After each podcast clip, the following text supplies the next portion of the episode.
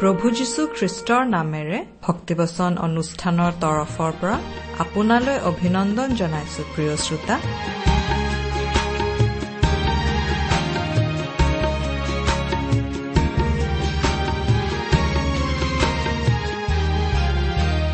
প্ৰভু যীশু মোৰ পৰিত্ৰাতা তেওঁৱে জীৱনদাতা জীৱন পথতো তেওঁৱে কথা।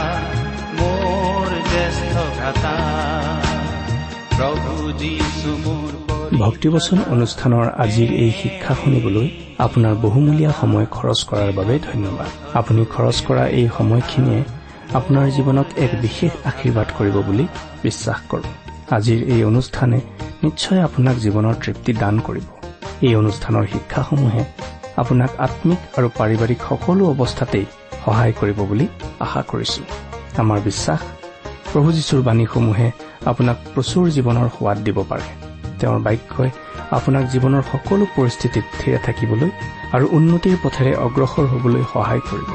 ঈশ্বৰৰ এই বাক্যৰে আপুনি যেন প্ৰতিদিন আম্মিকভাৱে অধিক বলৱান আৰু পাৰিবাৰিক শান্তিৰ জীৱন যাপন কৰিব পাৰে তাৰেই কামনা কৰিছো।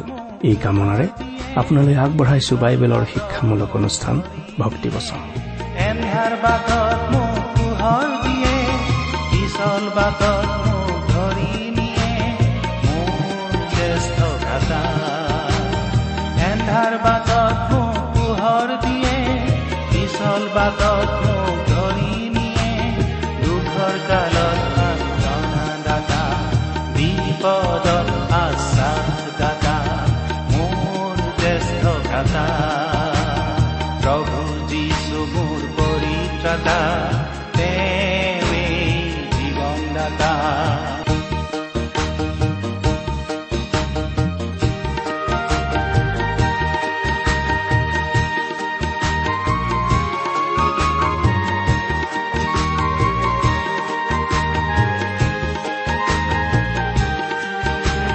পাপৰ দাগ মোৰ মচি দিয়ে।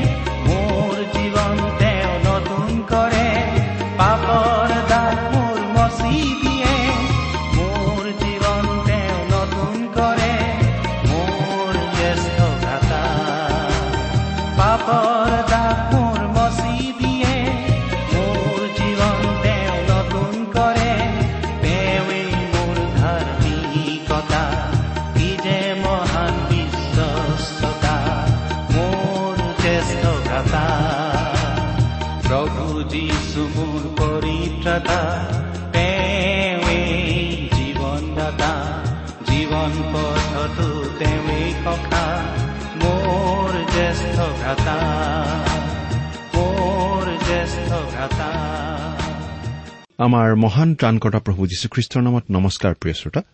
আশা কৰো মহান পিতা পৰমেশ্বৰে আপোনাক ভালে কুশলে ৰাখিছে। লগতে আমি এই বুলিও আশা কৰিছো যে আপুনি আমাৰ এই ভক্তিবচন অনুষ্ঠানটো নিয়মিতভাৱে শুনি আছে। এই অনুষ্ঠান শুনি কেনে পাইছে আমালৈ অনুগ্ৰহ কৰি দুষাৰিমান লিখি পঠিয়াবচোন। আহকচোন আজিৰ বাইবেল অধ্যয়ন আৰম্ভ কৰাৰ আগতে খন্তেক প্ৰাৰ্থনাত মূৰ দুৱাওঁ।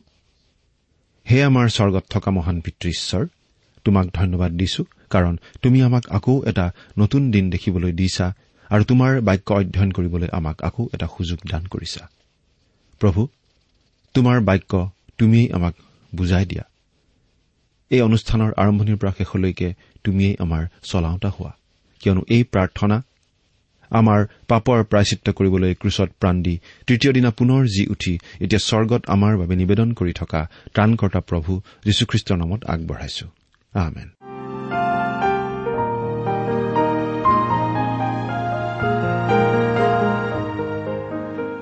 প্ৰিয় শ্ৰোতা আমি আজি ভালেমান দিন ধৰি বাইবেলৰ নতুন নিয়ম খণ্ডৰ ফিলিপিয়াবিলাকৰ প্ৰতি পত্ৰ নামৰ পুস্তকখন অধ্যয়ন কৰি আছো। নহয় জানো? যোৱা অনুষ্ঠানত আমি এই ফিলিপিয়া পত্ৰখনৰ চাৰি নম্বৰ অধ্যায়ৰ সাত নম্বৰ পদলৈকে আমাৰ আলোচনা আগবঢ়াইছিলো। সেয়েহে আজি আমি এই ফিলিপিয়া পুস্তকখনৰ চাৰি নম্বৰ অধ্যায়ৰ আঠ নম্বৰ পদৰ পৰা আমাৰ আলোচনা আৰম্ভ কৰিব খুজিছো। আজি আমি আঠ আৰু ন নম্বৰ পদ দুটা চাই তাৰ ওপৰত আলোচনা আগবঢ়াবলৈ আগবাঢ়িছো। প্ৰিয় শ্ৰোতা এতিয়া পোনছাতেই আমি আঠ নম্বৰ পদটো পাঠ কৰিছো। আপোনাৰ লগত যদি বাইবেল আছে অনুগ্ৰহ কৰি চাব। আৰু যদিহে নাই মন দি শুনিব। পাঠ কৰি দিছো ফিলিপিয়া চাৰি নম্বৰ অধ্যায়ৰ আঠ নম্বৰ পদ। শেষতে হে ভাইবিলাক যি যি সত্য যি যি আদৰণীয় যি যি ন্যায় যি যি শুদ্ধ যি যি প্ৰিয় যি যি সুখ্যাতিযুক্ত যিকোনো সদগুণ আৰু যিকোনো প্ৰশংসা হওক সেই সকলোৰে আলোচনা কৰা ইয়াত কোৱা হৈছে শেষতে হে ভাইবিলাক আপোনাৰ বোধকৰো মনত আছে যে তিনি নম্বৰ অধ্যায়ৰ আৰম্ভণিৰ বেলিকাও পাচনি পৌলে এনেদৰে কৈছিল শেষতে হে মোৰ ভাইসকল তেতিয়া অৱশ্যে তেওঁৰ চিঠিখনৰ মাজহে লাগিছিল। শেষ হোৱা নাছিল। কিন্তু চাৰি নম্বৰ অধ্যায়ৰ আঠ নম্বৰ পদত অৱশ্যে তেওঁ শেষৰ ফাললৈ আহি পাইছিল আৰু সেয়ে শেষ পৰামৰ্শ কিছুমান তেওঁ দিব ধৰিছে।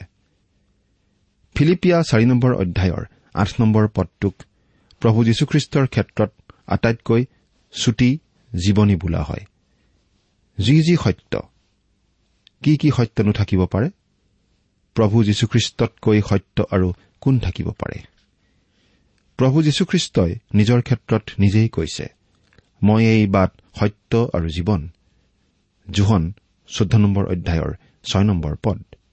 সেয়ে আজি জগতৰ মানুহে যদি সত্যৰ বিষয়ে আলোচনা কৰিব লাগে তেন্তে প্ৰভু যীশুৰ কথাকেই আলোচনা কৰিব লাগিব কাৰণ তেওঁহে একমাত্ৰ সত্য।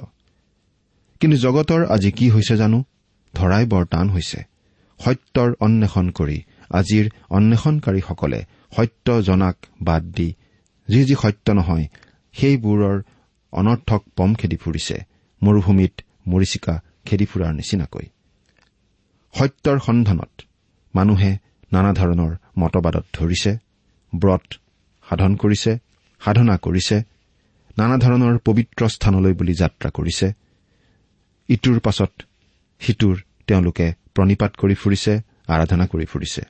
বৰ দুখৰ কথাটো হৈছে যে আজিকালি মানুহে মানুহকো ঈশ্বৰৰূপে আৰাধনা কৰিবলৈ লৈছে।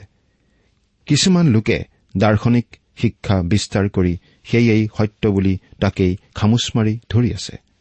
বহু সময়ত দেখা গৈছে সত্যৰ সন্ধানৰ নামত প্ৰায়োগিক আচৰণৰ সত্যক বাদ দি তাত্বিক দাৰ্শনিক শিক্ষা সৃষ্টি কৰি তাৰে কিছুমান প্ৰতিভাশালী মানুহে ভাতমুঠি মোকলাইছে ভাল ব্যৱসায় চলাইছে। কিন্তু এইবোৰৰ পৰিণতি বাৰু কি? সত্যত পাপ আচৰণ থাকিব লাগেনে? যদিহে নালাগে তেন্তে এনেকুৱা বিভিন্ন মতবাদ ধৰাৰ সাধনা কৰাৰ পবিত্ৰ স্থানলৈ যাত্ৰা কৰাৰ আৰু তাত্বিক দাৰ্শনিক শিক্ষাক খামোচ মাৰি ধৰাৰ ফলাফল আজি কি দেখা পোৱা গৈছে? সেইবোৰৰ ফলস্বৰূপে মানুহে আজি পাপ আচৰণৰ পৰা মুক্তি পাইছেনে? যদি মুক্তি পাইছে তেন্তে আজি যিটো হাৰত দুৰ্নীতি আৰু ভ্ৰষ্টাচাৰ শোষণ স্বজন প্ৰীতি লুণ্ঠন নৰহত্যা গোষ্ঠীগত সংঘৰ্ষ হিংসা ঘৃণা উগ্ৰপন্থাবাদ আৰু মানুহৰ সমাজত অশান্তি বাঢ়িছে সেয়া কিয় হ'ব পাৰিছে? সত্যক ধৰাৰ সেইবোৰ জানো ফল? আজি মানুহে ভুলৰ ওপৰতেই ভুল কৰি খ্ৰীষ্টীয় ধৰ্মটোক ধৰিলে সত্যক ধৰা হ'ব বুলি ভাবে। আমি বাইবেল শিক্ষাৰ ভিত্তিত বাৰে বাৰে কৈ আহিছো যে সত্য নিত্য পৰিত্ৰতা সদাপ্ৰভু যীশুখ্ৰীষ্টৰ বাদে আন কাটো আৰু কতো মানুহে পাপ আচৰণৰ পৰা মুক্তি লাভ কৰিব নোৱাৰে নাই নোৱাৰে। খ্ৰীষ্টক বাদ দি খ্ৰীষ্টীয় ধৰ্মটোক ধৰিও মানুহে পাপ আচৰণৰ পৰা মুক্তি পাব নোৱাৰে। এইবুলি আমি বাইবেলৰ পৰাই শিকো। প্ৰিয় শ্ৰোতা যি যি সত্য মানে প্ৰভু যীশুখ্ৰীষ্টই সত্য। মানুহে তেওঁৰ বিষয়ে আলোচনা কৰিবলৈহে সত্যৰ আলোচনা কৰা হ'ব। মানুহে তেওঁক ধৰিলেহে সত্যক ধৰা হ'ব আৰু সত্যক ধৰিলেহে পাপ আচৰণৰ পৰা মুক্তি পাব। মন্দৰ পৰা আঁতৰি থাকি সত্যত চলিব পাৰিব। তাৰ পাছতেই যিহৰ বিষয়ে মানুহে আলোচনা কৰা উচিত সেয়া হৈছে সততা। আমাৰ অসমীয়া বাইবেলত আদৰণীয় বুলি কোৱা হৈছে কিন্তু ইংৰাজীত অনেষ্ট বুলি লিখা আছে। গতিকে আমি আদৰণীয় বুলি নকৈ সততা বুলিয়েই ক'ম। মানুহৰ মাজত আজি সততা বৰ ভয় লগাকৈ নোহোৱা হৈছে। সততাৰ অভাৱত আজি কোনো মানুহে কোনো মানুহক বিশ্বাস কৰিব নোৱাৰা হৈছে। সততাৰ অভাৱত মানুহ আজি কুস্বভাৱ কুপ্ৰভাৱ আৰু কু আচৰণৰ চিকাৰ হৈছে। মানুহৰ হাততো আইন আছে। বিভিন্ন বিশ্বাসবোৰ আছে। ন্যায়ালয় আজি আছে। সততাক ধৰি ৰাখিবলৈ সততাক প্ৰৱৰ্তন আৰু ব্যৱহাৰ কৰিবলৈ। কিন্তু কতা? চৰকাৰৰ ঘৰত সমাজৰ ঘৰত পৰিয়ালৰ ঘৰত এনেকি খ্ৰীষ্টীয় মণ্ডলীসমূহতো তাৰ অভাৱ দেখোন আমি প্ৰায়েই দেখা পাওঁ? যাৰ হাতত আইন বিভিন্ন বিশ্বাস আৰু বিচাৰৰ স্থানবোৰ আছে সেই মানুহে যদি সৎজনক অৰ্থাৎ প্ৰভু যীশুখ্ৰীষ্টক প্ৰকৃত সততাৰে নধৰে তেন্তে সেইবোৰে কেতিয়াও সততাক ধৰি ৰাখিব নোৱাৰে। নাই কেতিয়াও নোৱাৰে। সৎজনাৰ বাহিৰত কোনো বিশ্বাস কোনো আইন আৰু ন্যায়ালয়সমূহ সম্পূৰ্ণ অৰ্থহীন আৰু বিকল হৈ পৰে। গতিকে যি যি সৎ মানে যীশুখ্ৰীষ্টই সৎ তেওঁৰ বিষয়ে আলোচনা কৰিলেহে সততাৰ আলোচনা কৰা হ'ব আৰু সততাৰ গৰাকী প্ৰভু যীশুখ্ৰীষ্টক ধৰিলেহে মানুহো সৎ হ'ব পাৰিব। নহলে মানুহৰ লেখ মানুহ আশা নাই। সত্য আৰু সততাৰ পাছত এই পদটোৰ মতে মানুহে আলোচনা কৰিবলগীয়া বিষয়টো হৈছে ন্যায়। যি যি ন্যায় ন্যায়বান বা ধাৰ্মিকনো কোন বাইবেলে কৈছে যে প্ৰভু যীশুখ্ৰীষ্ট বিশ্বাসী আৰু তেওঁ ন্যায়বান। বিশ্বস্ততা বা সততাৰ দৰেই মানুহৰ মাজত আজি ন্যায়ৰো অভাৱ। ন্যায়বান বা ধাৰ্মিক প্ৰভু যীশুখ্ৰীষ্টৰ বাহিৰত আজি মানুহে টকাৰে ন্যায়ৰ কিনা বেচা কৰে। অন্যায়কাৰী মানুহৰ হাতত আজি ন্যায়তকৈ টকা ডাঙৰ। অন্যায়কাৰী দুইঠেঙীয়া পশুহঁতে টকাৰে ন্যায়ক অন্যায় আৰু অন্যায়ক ন্যায় কৰি আছে। যাৰ টকা ক্ষমতা আৰু বাহুবল নাই তেওঁলোকৰ বাবে ন্যায় বোলা একো কথা নাই। গতিকে ন্যায়বান প্ৰভু যীশুখ্ৰীষ্টৰ কথা আলোচনা কৰিলেহে ন্যায়ৰ কথা আলোচনা কৰা হয়। আৰু ন্যায়বান প্ৰভু যীশুখ্ৰীষ্টৰ শৰণাগত হ'ব পাৰিলেহে মানুহৰ সমাজত মানুহে ন্যায়ৰ মুখ দেখা পাব পাৰিব। তাৰ বাহিৰে মানুহে মানুহৰ পৰা ন্যায় পোৱাৰ কোনো আশা নাই। তাৰ পাছত আলোচনা কৰিবলগীয়া বিষয়টো হৈছে শুদ্ধতা যি যি শুদ্ধ। প্ৰভু যীশুখ্ৰীষ্টৰ বাহিৰে সম্পূৰ্ণ শুদ্ধ আৰু সিদ্ধ কোন আছে? কোন থাকিব পাৰে? এই পৃথিৱীত ভৰি দিয়াসকলৰ ভিতৰত তেওঁৰ বাহিৰে সম্পূৰ্ণ শুদ্ধ সিদ্ধ আৰু কোন আছে? শুদ্ধ সিদ্ধ তেওঁহে আছিল কাৰণ তেওঁ আছিল যীশু অৱতাৰত স্বয়ং ঈশ্বৰ। সেয়েহে তেওঁ এই পৃথিৱীৰ মানুহক প্ৰত্যাহান জনাই সুধিছিল মোৰ পাপ আছে বুলি তোমালোকৰ মাজৰ কোনে প্ৰমাণ দিব পাৰিবা? সকলোৱেই বোবা হৈ ৰৈ গৈছিল। কোনেও তেওঁক পাপী সাব্যস্ত কৰিব পৰা নাছিল। পাপী সাব্যস্ত কৰিবলৈ কাৰো সাধ্য নাছিল। পাপী সাব্যস্ত কৰিবলৈ কাৰো হাতত একো প্ৰমাণ নাছিল। প্ৰমাণ থাকিব নোৱাৰেও কাৰণ ঈশ্বৰে পাপ নকৰে। তেওঁ পাপ কৰিব নোৱাৰে। প্ৰভু যীশুৱে এনেদৰেও কৈছিল তোমালোকে সৈতে মই আৰু অধিক কথা নহম কিয়নো জগতৰ অধিপতি আহিছে আৰু মুঠ তাৰ একো নাই। জোহন চৈধ্য অধ্যায় ত্ৰিশ নম্বৰ পদ। জগতৰ অধিপতি অৰ্থাৎ ছয়তান। প্ৰভু যীশুত ছয়তানৰ একো ভাগ নাই বা একো প্ৰভাৱ নাই। আমাৰ জীৱনত ছয়তানে সদায়েই এটা নহয় এটা দুখ দেখা পায় আৰু তাৰেই সি আমাক দুৰ্বল কৰি পেলাব পাৰে। কিন্তু প্ৰভু যীশুখ্ৰীষ্টত হলে তাৰ একো নাছিল। অৰ্থাৎ তেওঁত কোনো দুৰ্বলতা বা পাপ আঙুলিয়াই দেখুৱাবলৈ ছয়তানৰ সাধ্য নাছিল কাৰণ প্ৰভূত সেইবোৰৰ একোটোৱেই নাছিল। তেওঁৰ ক্ষেত্ৰত বাইবেলে কৈছে যে তেওঁ আছিল পবিত্ৰ অকুটিল নিৰ্মল আৰু পাপীবিলাকৰ পৰা পৃথক। ইব্ৰী সাত নম্বৰ অধ্যায়ৰ ছাব্বিছ নম্বৰ পদ। তাৰ পাছৰ আলোচনা কৰিবলগীয়া বিষয়টো হৈছে যি যি প্ৰিয় আমি ভাবো যে ইংৰাজীৰ লাভলী শব্দটোৰ কাৰণে অসমীয়াৰ প্ৰিয় শব্দটো ইমান উপযুক্ত শব্দ নহয়। অসমীয়াতে সুন্দৰ বা অনুগ্ৰহযুক্তহে হ'ব লাগিছিল। প্ৰভু যীশুখ্ৰীষ্টতকৈ সুন্দৰ বা অনুগ্ৰহযুক্ত কোনো থাকিব নোৱাৰে। তেওঁ ইমানেই সুন্দৰ বা অনুগ্ৰহশীল যে যি পাপৰ শাস্তি আমি নিজে বহন কৰিব লাগিলহেঁতেন সেই পাপৰ শাস্তি তেওঁ আমাৰ হৈ বহন কৰিলে গলগথাৰ সেই ক্ৰুচৰ ওপৰত নিজ প্ৰাণ বিসৰ্জন দি। গতিকে প্ৰভু যীশুখ্ৰীষ্টৰ বিষয়ে আলোচনা কৰিলেহে সৰ্বসুন্দৰ নাইবা আটাইতকৈ অনুগ্ৰহশীলজনৰ কথা আলোচনা কৰা হ'ব। তাৰ পাছৰ আলোচনা কৰিবলগীয়া বিষয়টো হ'ব যি যি সুখ্যাতিযুক্ত প্ৰভু যীশুখ্ৰীষ্টতকৈ সুখ্যাতিমন্ত ব্যক্তি কোনো থাকিব নোৱাৰে। যি ব্যক্তিৰ ক্ষেত্ৰত স্বয়ং ঈশ্বৰে কৈছিল এওঁ মোৰ প্ৰিয় পুত্ৰ এওঁত মই পৰম সন্তুষ্ট। যিকোনো সদগুণ বা সদাচাৰ মানে প্ৰভুৰ শক্তিদান আৰু তেওঁ দিয়া উৎসাহৰ বিষয়ে কোৱা হৈছে।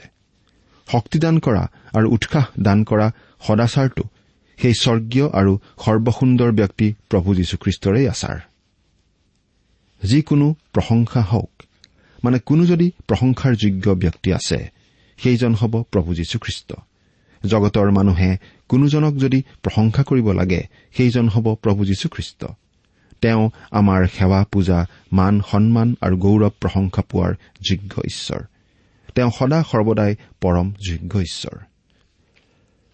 আজি আমি যিখন পৃথিৱীত বসবাস কৰিছো সেইখন পাপে ভৰা বৰ লেতেৰা আৰু ঘৃণনীয় পৃথিৱী। এইখন পৃথিৱীৰ কোনো এখন নগৰ বা গাঁৱতেই লেতেৰা নোহোৱাকৈ আপুনি ঘূৰি ফুৰিব নোৱাৰিব। গাঁও চহৰবোৰত ঘূৰি ফুৰিলে আপোনাৰ মন লেতেৰা হ'ব চকু লেতেৰা হ'ব আপোনাৰ কাণখন লেতেৰা হ'ব এনেকৈ আপোনাৰ অন্তৰখনো লাহেকৈ লেতেৰা হ'ব ধৰিব।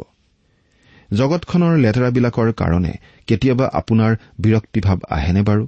কেতিয়াবা আপোনাৰ এইবোৰৰ প্ৰতি ঘৃণাৰ ভাৱ জাগেনে?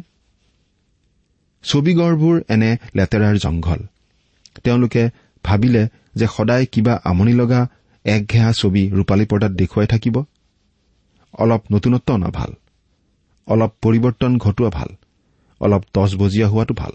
সেয়েহে নতুনত্ব আনিবলৈ অলপ পৰিৱৰ্তন ঘটাবলৈ আৰু অলপ তজবজীয়া হবলৈ মানুহৰ মন চকু কাণ আৰু অন্তৰ লেতেৰা কৰা লেতেৰা সোপা ছবিঘৰলৈ দূৰদৰ্শনলৈ লৈ আহিল। গোটেই লেতেৰাখিনিয়ে ছবিঘৰৰ ৰূপালী পৰ্দাখন কলা পৰ্দালৈ পৰিণত কৰি পেলালে আৰু দূৰদৰ্শনৰ যন্ত্ৰখনকো ভূতৰ বাকচলৈ পৰিণত কৰিলে। ইমান লেতেৰা ইমান ক্ষতিকাৰক তথাপি নষ্ট পোৱা মানুহৰ অধিকভাগেই সেইবোৰৰ কাৰণে গাঁঠিৰ পইচা ভাঙি বৰ মনোযোগেৰে চায় চাই চাই হেঁপাহ নপলায়।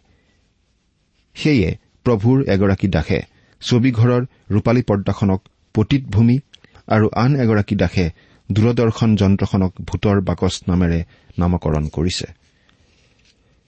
ঈশ্বৰৰ সন্তানসকলে যদি পতীত ভূমি আৰু ভূতৰ বাকচৰ সন্মুখত বহি তেওঁলোকৰ জীৱনৰ অতি মূল্যৱান সময়খিনি কটায় তেন্তে তেওঁলোক একেবাৰে শক্তিহীন সন্তান হৈ পৰিব।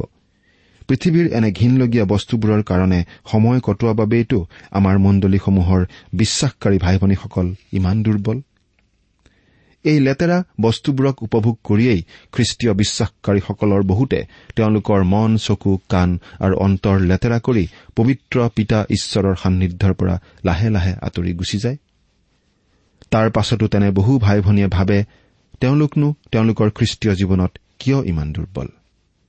তেনে পৰিস্থিতি আৰু তেনে অৱস্থাত আমাক এখন মন্দিৰৰ প্ৰয়োজন। আমি চিন্তা কৰি চাবলৈ আমাক এনে এক বিষয় লাগিব যি বিষয়ে আমি পুনৰ পৰিষ্কাৰ হোৱাত আমাক সহায় কৰিব। চিন্তা কৰি চাবলৈ কেইটামান প্ৰশ্ন নিজৰ ক্ষেত্ৰত সুধি চোৱা যাওক। এক ঈশ্বৰৰ জীৱনদায়ক বাক্য ধ্যান আৰু অধ্যয়ন কৰাত মই কিমান সময় কটাইছো? দুই খ্ৰীষ্টৰ কথা চিন্তা কৰি কিমান সময় বাৰু মই কটাওঁ? বাইবেলে কৈছে আৰু আমি সকলোৱে উৰণি নোলোৱা মুখেৰে দৰ্পণত দেখাৰ দৰে প্ৰভুৰ গৌৰৱ চাওঁতে চাওঁতে সেই গৌৰৱৰ পৰা গৌৰৱ পাই আত্মাৰূপ প্ৰভুৰ দ্বাৰাই পৰিণত হোৱাৰ দৰে পৰিণত হৈ সেই একে মূৰ্তি হ'ব লাগিছো। দ্বিতীয় কৰিন্ঠিয়া তিনি নম্বৰ অধ্যায়ৰ ওঠৰ নম্বৰ পদ। ঈশ্বৰৰ পবিত্ৰ বচন হৈছে আইনাস্বৰূপ। আৰু আইনাস্বৰূপ ঈশ্বৰৰ বচনৰ মাজেৰে চায়েই আমি ঈশ্বৰৰ গৌৰৱ দেখা পাওঁ। জীৱিত খ্ৰীষ্টক দেখা পোৱাৰ একমাত্ৰ উপায়টো হৈছে ঈশ্বৰৰ বচন পবিত্ৰ বাইবেল। সেইদৰে তেওঁক দেখা পোৱাৰ লগে লগেই আপুনি মুক্তিৰ উপলব্ধি কৰিব আৰু তেওঁ দান কৰা বৃদ্ধিত আপুনি বৃদ্ধি পাই থাকিব। কিন্তু এই পৰ্যায়লৈ আপুনি আহি পাবলৈ হলে ঈশ্বৰৰ বচন অধ্যয়ন আৰু ধ্যান কৰা আৰু প্ৰভু যীশুখ্ৰীষ্টৰ বিষয়ে চিন্তা কৰাৰ উপায়ৰ বাহিৰে আন কোনো উপায় থাকিব নোৱাৰে। ঈশ্বৰৰ বচনৰ জ্ঞানৰ অভাৱৰ কাৰণেই মণ্ডলীৰ খ্ৰীষ্টীয় বিশ্বাসকাৰীসকল বাইবেলৰ ভুল শিক্ষাৰ দ্বাৰাই বতাহত তোলা উৰি যোৱাৰ দৰে স্ববিশ্বাসৰ পৰা উৰি যায়। তেওঁলোকে ভুল আৰু সত্যৰ মাজৰ পাৰ্থক্যটো ধৰিব নোৱাৰে কাৰণ বাইবেল অধ্যয়নৰ অভাৱত তেওঁলোকৰ বাইবেলৰ জ্ঞান নাথাকে। আমাৰ খ্ৰীষ্টীয় জীৱনৰ শক্তি আৰু সামৰ্থ্য অটুট ৰাখিবলৈ হলে আমি খ্ৰীষ্ট ব্যক্তিজনৰ বিষয়ে সদায় ধ্যান আৰু চিন্তা ৰাখি চলিব লাগিব। আৰু ঈশ্বৰৰ বচনৰ মাজেৰেই আমি তেওঁৰ বিষয়ে মনত ৰাখিব লাগিব। বহু সময়ত মানুহ গীৰ্জালৈ আহে কেৱল নিয়ম পালন কৰিবলৈ। কোনো কোনো আহে সমাজখনৰ সৈতে সহযোগ ৰক্ষা কৰি চলিবলৈ কাৰণ দুখে সুখে সমাজখনক লাগে। আকৌ কোনো কোনো আহে গীৰ্জা আদি কৰি অকণ পবিত্ৰতা বা অকণ আধ্যামিকতা উপলব্ধি কৰিবলৈ। কিন্তু এনেকুৱাকৈ কোনো ধৰণেৰে বিশ্বাসকাৰীসকলে আধ্যামিক শক্তি আহৰণ কৰিব নোৱাৰিব। কেৱল ঈশ্বৰৰ শক্তিদায়ক বাক্য ধ্যান অধ্যয়ন কৰাৰ যোগেদিহে আধ্যামিক শক্তি আহৰণ কৰিব পৰা যায়। শাৰীৰিকভাৱে শক্তিশালী হবলৈ আপুনি শাৰীৰিক সুষম খাদ্য ভোজন কৰে। সেইদৰে আধ্যামিকভাৱে বলৱান হবলৈ আপোনাক আধ্যামিক খাদ্য অৰ্থাৎ ঈশ্বৰৰ বচন নিশ্চয় লাগিব। আধ্যামিকতাত বৃদ্ধি পাবলৈ ঈশ্বৰৰ বচনেই একমাত্ৰ উপায়। ঈশ্বৰৰ এই বচনেই প্ৰভু যীশুখ্ৰীষ্টক প্ৰকাশ কৰে। আমি বিশ্বাস কৰো যে আমি বিচাৰি চাবলৈ জানিলে বাইবেলৰ প্ৰতিটো পৃষ্ঠাতেই প্ৰভু যীশুখ্ৰীষ্টক দেখা পাওঁ। আমি তেওঁক দেখা পোৱাটো অপৰিহাৰ্যভাৱে প্ৰয়োজন। প্ৰকৃত অৰ্থতেই খ্ৰীষ্টক আমাৰ খ্ৰীষ্টীয় জীৱনত প্ৰয়োজন। এইটো সম্ভৱ হয় যেতিয়া আমি ঈশ্বৰৰ বচন অধ্যয়ন কৰাৰ মাজেৰে প্ৰভুৰ গৌৰৱ দেখা পাব পাৰো। মই ভাবো যে শেষৰ কালত যেতিয়া খ্ৰীষ্টীয় লোকসকল প্ৰভু যীশুখ্ৰীষ্টৰে সৈতে মুখামুখি হ'ব তেতিয়া এটা কথাত খ্ৰীষ্টীয় লোকসকল লজ্জিত হ'ব লাগিব আৰু সেইটো হ'ব বাইবেল শাস্ত্ৰীয় জ্ঞানৰ ক্ষেত্ৰত তেওঁলোকৰ অজ্ঞতা। প্ৰভুৱে তেওঁলোকক হয়তো ক'ব তোমালোকৰ প্ৰয়োজনীয় সকলো খবৰ মই মোৰ বচন বাইবেলত দিছিলো কিন্তু তোমালোকে সেইবোৰ অধ্যয়ন নকৰিলা। তোমালোকে মোৰ আদেশ নুশুনিলা। সেয়া সঁচাকৈ লাজৰ কথা নহবনে? আমি প্ৰায়েই কওঁ যে আমাৰ ল'ৰা ছোৱালীবিলাকে আমাৰ কথা নুশুনে। কিন্তু আমিও জানো আমাৰ স্বৰ্গীয় পিতৃ ঈশ্বৰৰ কথা শুনো। খ্ৰীষ্টৰ বিষয়ে চিন্তা কৰাটোৱে হৈছে আমাৰ মন্দিৰ স্থান। তাতেই আমি আমাৰ আধ্যামিক শক্তি আহৰণ কৰিব পাৰোঁ। আমাৰ মাজৰ অনেকে এই জগতৰ ব্যস্ততা আৰু দুৰ্গন্ধপূৰ্ণ লেতেৰা আৱৰ্জনাৰ পৰা আঁতৰি এফলীয়া হৈ ঈশ্বৰৰ বচনৰ অধ্যয়নত মনোনিৱেশ কৰা উচিত হ'ব যাতে তাকে কৰি আমি পৰিত্ৰাতা প্ৰভু যীশুখ্ৰীষ্টৰ কথা চিন্তা কৰিব পাৰো তেওঁৰ নামৰ প্ৰশংসা কৰিব পাৰো যোগ্য প্ৰভুৰ পূজা কৰিব পাৰো। তোমালোকে যি যি শিকিলা গ্ৰহণ কৰিলা শুনিলা আৰু মুঠ দেখিলা সেই সকলোকে আচৰণ কৰা তাতে শান্তিৰ আকৰ ঈশ্বৰ তোমালোকৰ লগত থাকিব। অৰ্থাৎ ফিলিপিবাসী খ্ৰীষ্টীয় বিশ্বাসকাৰীসকলে ঈশ্বৰৰ বচনৰ পৰা তেওঁৰ চিঠিৰ পৰা যি যি শিকিলে গ্ৰহণ কৰিলে আৰু শুনিলে সেই সকলোকে তেওঁলোকে হাতে কামে তেওঁলোকৰ জীৱন আচৰণত আচৰণ কৰিব লাগে। তদুপৰি পৌলে এটা বৰ ডাঙৰ কথা কৈছে যে ফিলিপি মণ্ডলীৰ ভাই ভনীসকলে তেওঁত যি দেখিলে তাকো তেওঁলোকৰ জীৱনত অনুসৰণ কৰিব লাগে। পৌলৰ দৰে আমাৰ কিমানজন ঈশ্বৰৰ দাসে ক'ব পাৰিব? যে তেওঁলোকে যি কৰে খ্ৰীষ্টীয় বিশ্বাসকাৰীসকলেও কৰিব পাৰিব? ঈশ্বৰৰ আন আন যোগ্য দাসসকলৰ কথা আমি ক'ব নোৱাৰো কিন্তু ঈশ্বৰৰ এজন অযোগ্য দাস হিচাপে আমি স্বীকাৰ কৰো যে আমি কেতিয়াও কাকো ক'ব নোৱাৰিম যে আমি যি কৰো আৰু যেনেকৈ কৰো মণ্ডলীৰ বিশ্বাসকাৰীসকলেও সেইবোৰ সেইদৰেই কৰিব পাৰিব। কিন্তু পাচনি পৌলে ক'ব পাৰিছিল মুঠ যি দেখিলা তাক আচৰণ কৰা। বা আন কথাত মই যি কৰো তোমালোকেও কৰা। এয়া পৌলৰ স্বধাৰ্মিকতাৰ গৰ্বনে বাৰু? নহয়। কিন্তু পৌলে এনেদৰে ক'ব পাৰিছিল কাৰণ তেওঁ আন বিশ্বাসকাৰীসকলৰ বাবে খ্ৰীষ্টীয় জীৱন ধাৰণ আৰু কামত আদৰ্শবান পুৰুষ হ'ব পাৰিছিল। আদৰ্শবান পুৰুষ হ'ব পাৰিছিল কিয় জানেনে প্ৰিয় শ্ৰোতা? কাৰণ পৌলে শক্তি আহৰণৰ সেই শক্তিগৃহত বাস কৰি প্ৰভু যীশুখ্ৰীষ্টকেই তেওঁৰ জীৱন ধাৰণৰ কেন্দ্ৰবিন্দু কৰি খ্ৰীষ্টীয় জীৱন যাপন আৰু খ্ৰীষ্টৰ পৰিচৰ্যা কৰিছিল। পৌলৰ দৰে আমি বৰ্তমান পৰিচৰ্যাত থকাসকলে ক'ব নোৱাৰিলেও আমি যি মণ্ডলীৰ পৰিচৰ্যা কৰিছো সেই মণ্ডলীৰ বিশ্বাসকাৰীসকলে আমাৰ পৰা শিকিবলগীয়া অনুকৰণ কৰিবলগীয়া একোৱেই থাকিব নালাগিবনে বাৰু? আমিওতো তোমালোকৰ নিচিনা তেজমঙহৰে মানুহ বুলি মূৰ পুলুকা মৰা বিধৰ নেতা নেত্ৰী আমি হ'ব লাগিবনে বাৰু? তেজ মঙহৰে মানুহ সঁচা কিন্তু তথাপিওতো তেজমঙহৰ মানুহৰ নেতৃত্ব দিবলৈ দায়িত্বশীল ব্যক্তি নহয়নে?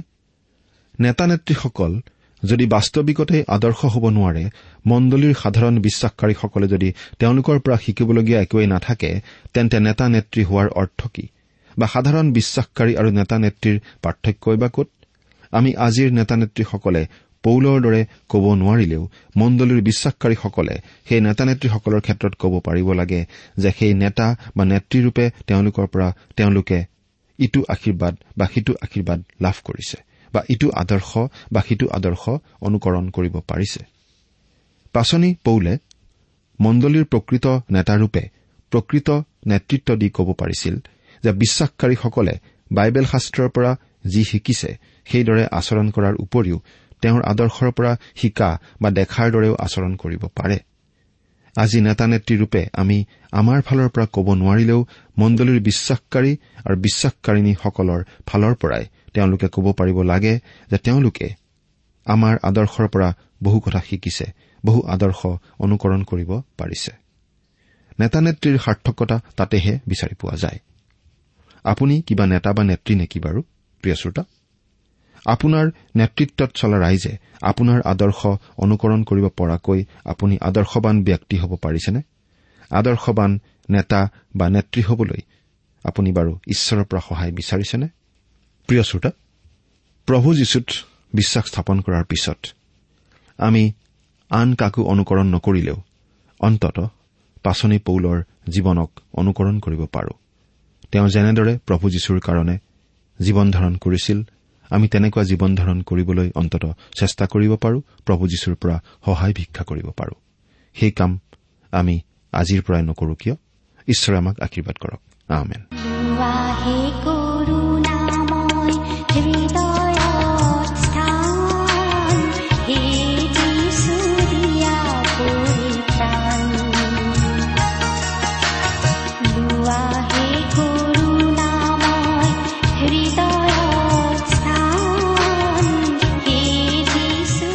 ইমান পৰে আপুনি ঈশ্বৰৰ বাক্যৰ পৰা শিক্ষা শুনিলে। এই বিষয়ে আপোনাৰ মতামত জানিবলৈ পালে আমি নথৈ আনন্দিত হ'ম।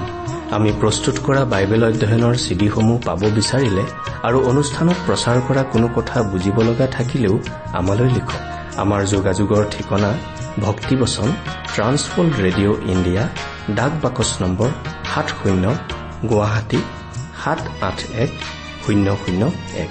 ঠিকনাটো আকৌ এবাৰ কৈছো ভক্তিবচন ট্ৰান্স ৱৰ্ল্ড ৰেডিঅ' ইণ্ডিয়া ডাক বাকচ নম্বৰ সাত শূন্য গুৱাহাটী সাত আঠ এক শূন্য শূন্য এক। আমাৰ ইমেইল এড্ৰেছটো হৈছে Assamese T TV at the rate radio' eight eight two dot com. আমাৰ website W W W dot T W R dot in.